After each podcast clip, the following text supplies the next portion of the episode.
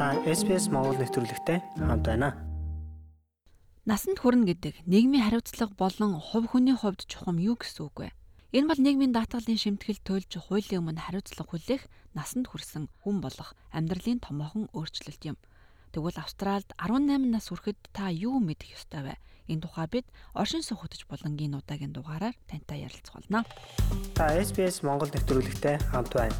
Бусад сонирхолтой нэвтрүүлгүүдийг SBS.com.au Mongolian вебсайтаас хүлээн аваарай. Австралид 18 нас хүрэмэгдсэн насанд хүрсэн хүн хэмээн тооцогддог. Австралийн залуучуудын хуулийн ахлах хуульч Кейт Ричардсон энэ насанд ямар өөрчлөлт гарч байгааг хууль эрх зүйн үүднээс тайлбарллаа.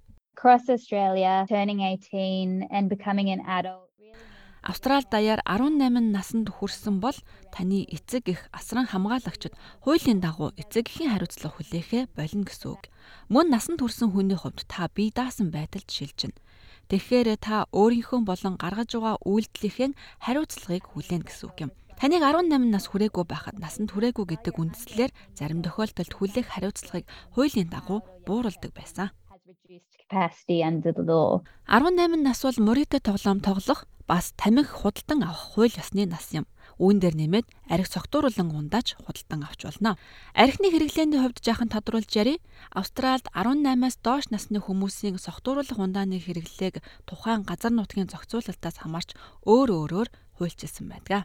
Generally, the legal age to buy or drink alcohol in a licensed venue. Зөвшөөрөгдсөн газарт согтууруулах ундаа худалдан авах уух хууль ёсны нас нь 18 юм. Ер нь бол 18 нас хүрээгүй хүн хувийн байранда архиуж байвал хууль зөрчиж байна л гэсэн үг. Тодруулбал байршлын хувьд өөрийн гэртээ эсвэл өөр хүний гэрт арх согтууруулах ундаа уусан бол хууль бус. Харин эцэг их асран хамгаалагч эсвэл эцэг их асран хамгаалагчаас нь зөвшөөрөл авсан хүн өгч байвал арай өөр асуудал. Манай дараагийн зочин Стивен Робертс. Тэрээр манай шиг сургуулийн боловсрол нийгмийн шударга өсны профессор юм а. Түүний мэрэгсэн судалгааны чиглэлүүдийн нэг нь залуучуудын насан турш шилжилтийн асуудал байдаг. Тэрээр арх согтууруулах ундааны хэрэглээнд санаа зовж байгаа эцэг эхчүүд хүүхдтэй архины хор хөнөөлний тухайд сайтар сурах нь зүйтэй гэж хэллээ. А гэхдээ энэ сургаал нь амьдралд бодиттой байх нь илүү үр дүнтэй шүү.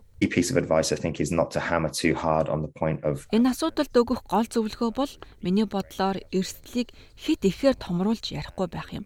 Жишээлбэл алкохолны хэрэглээ Австралийн соёлд гүн гүнзгий шингэсэн бөгөөд хэвийн амьдралын нэг хэсэг гэж болно. Ингэж соёлд нь гүн шингэсэн зүйлийг хатуу оргилох нь утгагүй. Ялангуяа үүнийг хуулиар зөвшөөрсөн насанд хүрсэн үед нь.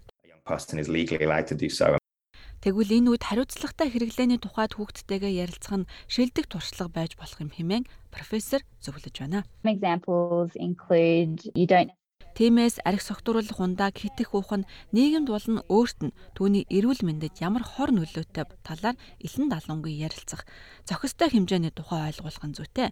Энэ үед тайван хүлээцтэй байх, ойлголцох, харилцаа холбоогоо хадгалж байх нь маш чухал зүйл гэж би боддог.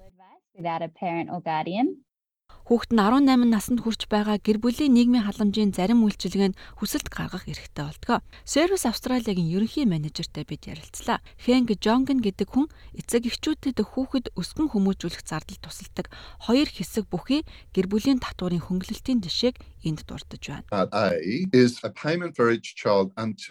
A хэсэг нь хүүхэд бүрийг 12 жилийн сургууль буюу түүнтэй адилдгах сургалтыг дүүргэх хүртэл нь авч болдог татварын хөнгөлөлт байдаг.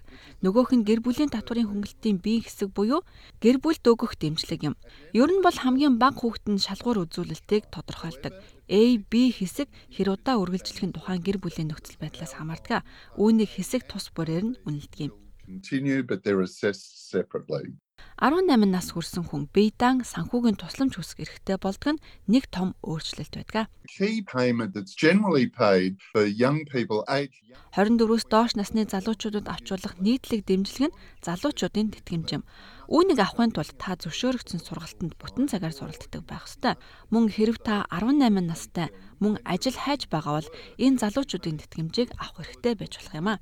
Influence, but as a job seeker rather than as a student. Хууль эрх зүйн хувьд 18 настай хүнийг бие даасан хүн гэж үзэгч дэмжлэг авах эрхтэй эсхийг үнэлэх үед тэдний эцэг эхээсээ хамааралтай гэж үзэж болдог. The key misconceptions is people don't realise that Олон хүний буруу ойлгодог нэг зүйл нь хүүхэд 18 нас хүрч залуучуудын тэтгэмж авахар бодож үзэж байгаа бол эцэг эх нь биш хүүхэд өөрөө өргөдөл гаргах ёстой гэдгийг хүмүүс ойлгодоггүй. Бүтэн цагийн оюутанч бай, ажил хайж байгаа залуусч бай. Тэднийг 22 нас хүртэл нь эцэгхийн хяналтанд байгаа гэж үздэг. Энэ нь юу гэсэн үг вэ гэхээр бид залуусын дэмжлэг өгөх шалгуурыг тодорхойлохдоо эцэгхийн орлогыг нь харгалзан үздэг.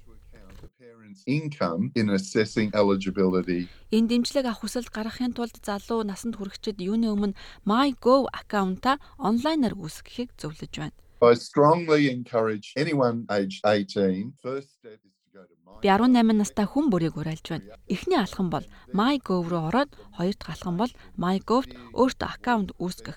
Дараа нь мэдээллийг ашиглан онлайнаар нэхэмжлэл гаргах боломжтой. Хэрвээ англи хэл таны хоёр дахь хэл бөгөөд танд тусламж хэрэгтэй байгаа бол 131 202 дугаарын утсаар холбогдож байна. Энд 200 гаруй хэлний орчуулагчийн үнгүй үйлчилгээ төвлөрдөг юм шүү. service for over 200 languages Профессор Робертсын хэлж байгаагаар Австрали насанд хүрсэн хүнд тооцогдох нь аажмаар явагддаг процесс юм гэлээ. Товчхондоо сүүлийн 30 40 жилийн хугацаанд бүтэн цагийн ажилтай болох, гэр бүлээ орхин биедан амьдрах, за гэр бүлээ бий болгох гэх мэт энэ бүх үйл явц нас ахих тусам багасж байна. 18 тэр ч байтугай 21 насанд ч хийж амжаагүй байх нь бий. Насанд хүрэгчдийн нийгмийн шинж тэмдгүүд нь үндсэндээ 20 за тэр ч байтугай 30 насандаа ч хүрч болох нийтлэг зүйл юм. Эцэст нь хэлэхэд эдгээр насанд хүрэх амьдралын тодорхой зэгийг хойшлуулаад зогсохгүй бүр мөсөн үгээсэгдэг залуусын тооч нэмэгдэх хандлагатай байна. Зарим зүйлийг хийхэд заавал 18 нас хүрсэн байхыг хуулиар шаарддаггүй хэмээн Ричардсон ярьж байна. Examples include you don't necessarily need to be 18. Жишээ нь бэлгийн харьцаанд орох, ажил хийх, өөрийн банкны данстай байх, эмчилгээ хийлгэхийг зөвшөөрөх, сургуулаа солих, орхих, гэрээсээ гарах, төлбөр төлөх зэрэгт заавал 18 нас хүрсэн байх шаардлагагүй. Гэмтгэрэг үйлцэн бол бүр эцэг их асран хамгаалагчгүйгээр хууль зүйн үн төлбөргүй зөвлөгөө авах эрхч 18 нас хүрээгүй хүмүүст байдаг юм шүү. Австральд залуусын ямар нэг зүйл хийх насыг тодорхойлсон дүрэн байдаг. Бусад тохиолдолд энэ нь тэдний чадвар нөхцөл байдлаас шалтгаалж болно. Ричардсон хэлэхдээ тухайн хүний онцлог нөхцөл байдлаас хамааран тэд юу хийж болох болохгүйг тодорхой их сурвалжаас шалгахыг зөвлөж байна. For example, a young person can consent to medical Жишээлбэл 18-аас доош насны хүн эмчилгээний давуу болон сул тал эрсдлийг ойлгож чадна гэж үзвэл эмчлүүлэхийг өөрөө зөвшөөрч болно. Мөн ийм шийдвэр гаргахад нь эмч хүчин зүйлүүдийг харгалзан үздэг. 18-аас доош насны залуус эцэг их асран хамгаалагчийн зөвшөөрлгүйгээр пассворд авах боломжтой. Энэ мэт олон нөхцөл байдал байдаг бөгөөд бид хуулийн зөвлөгөө авахыг зөвлөж байна. Залуу насанд хүрэгчдийн эрхийн тухай тодорхой мэдээллийг муж нутаг дэвсгэр бүрийн хууль зүйн тусалцааны комисс болон залуучуудын хууль зүйн албатаас авч болно. Австралийн залуучуудын хууль тогтоомжийн талаар зөвлөгөө өгдөг онлайн хуулийн үйлчилгээ байдаг. Эцэг эхчүүд засгийн газараас байгуулсан Rising Children Network вебсайтаас олон мэдээлэл авах боломжтой. Youth Law Australia website has legal fact sheet. Залуучуудын хууль Австрал гэдэг нэртэй вебсайт нь залуучуудад тулгарч болох олон төрлийн хууль эрх зүйн асуудлууд тухайлбал та хизээ гэрлэх, хизээ ажилтай болох, хизээ машин жолоодох зэрэг талаарх мэдээллийг бүх муж нутаг дэвсгэр бүр зориулсан хууль эрх зүйн мэдээллийг багтаасан хуудас юм а. Эцэг эхчүүдийн хувьд энэ тухай харах сайн их сурвалж нь Rising Children Network вебсайт болно. Тэнд өсвөр насныхны хууль ёсны нас залуучуудад хууль хэрхэн үйлчлэх тухай олон нийтлэл байдаг. Эдгээр болон нэвтрүүлэгт дурдсан бусад олон чухал албан ёсны цахим хаягуудыг нэвтрүүлгийн тайлбар хэсэгт орууллаа. Үүнтэй адилхан бусад нэвтрүүлгийг сонсомоор байна уу?